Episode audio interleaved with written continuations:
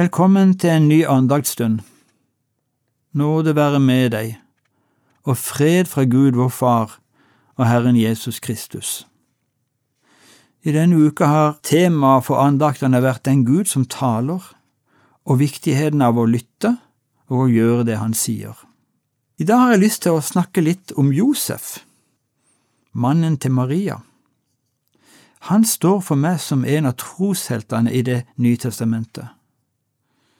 Det er ikke så mye som står skrevet om han, men det som står, er for meg forbilledlig.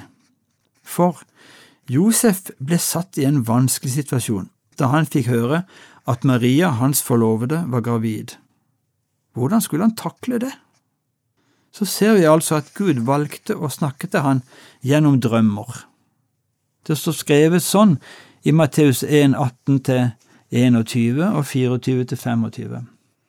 Med Jesu Kristi fødsel gikk det slik til. Hans mor Maria var lovet bort til Josef, men før de var kommet sammen, viste det seg at hun var med barn ved Den hellige ånd.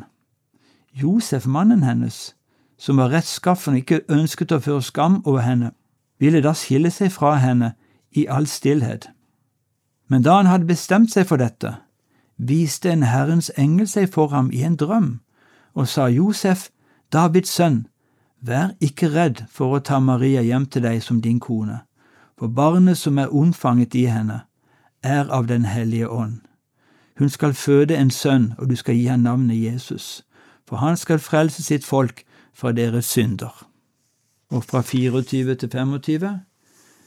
Da Josef våknet av søvnen, gjorde han som Herrens engel hadde pålagt ham, og tok henne hjem til seg som sin kone, og levde ikke sammen med henne før hun hadde født sin sønn, og ga han navnet Jesus. Herrens engel talte til Josef i en drøm. Drømmer er ganske sårbare. Vi drømmer jo hele tiden. Alle de drømmene vi har. Hvordan kunne Josef vite at det var Gud som talte til han i drømmen? Han visste det bare. Det må ha vært så tydelig.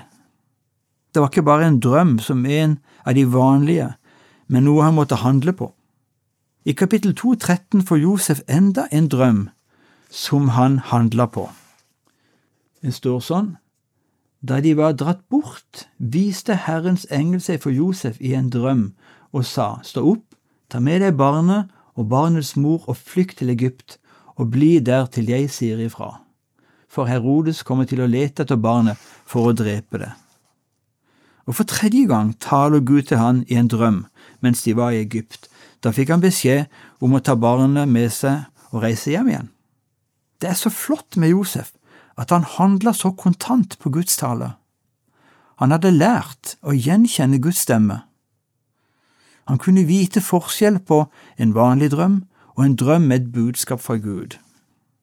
Gud taler til oss på forskjellige måter. Noen ganger taler han i en drøm. Mange har opplevd slike drømmer. Mange kommer og forteller om det, at de fikk et budskap i en drøm som de ikke kan glemme. Jeg fikk også en slik drøm som ble et veiskille for meg som ung mann. Det var et klart budskap om å skifte retning og jeg visste at det var Gud, og at jeg måtte være lydig og gå på drømmen for å komme inn i det Gud hadde planlagt for meg. Hvordan kan jeg vite at det er Gud som gir drømmen? Et av tegnene på det er at du ikke så lett glemmer drømmen. Den står så tydelig og sterkt for deg. Men selv om drømmen og tiltalen er tydelig, er det ikke alltid like lett å omsette det i handling. For Josef måtte han sette fornuften til side og gå i tro. Det hadde konsekvenser på forskjellig vis, men det ble til stor velsignelse etter hvert. Har Gud talt til deg i en drøm? Hva gjorde du med det? Eller kanskje Gud har talt til deg på en annen måte? Du vet at det er Gud, selv om du tviler, for du vet det fordi du vet det. Da vil jeg bare oppmuntre deg til å omsette det i handling. Det er spennende å gå i tro. La oss be. Vår Far i himmelen, la navnet ditt helliges, la riket ditt komme, la viljen din skje på jorden slik som i himmelen. Gi oss i dag vårt daglige brød, og tilgi oss vår skyld, slik også vi tilgir våre skyldnere. Og la oss ikke komme i fristelse, men frels oss fra det onde. For riket er ditt, og makten og æren i evighet. Amen. Herren velsigne deg og bevare deg. Herren la sitt ansikt lyse over deg og være deg nådig. Herren løfte sitt åsyn på deg og gi deg fred.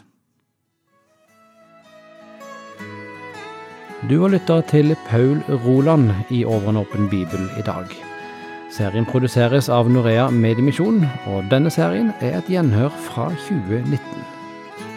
Har du kommentarer eller spørsmål, så ta gjerne kontakt med oss. Du kan bruke e-postadressen postalfakrøllnorea.no, eller du kan sende oss en melding via Facebook. God sommer videre.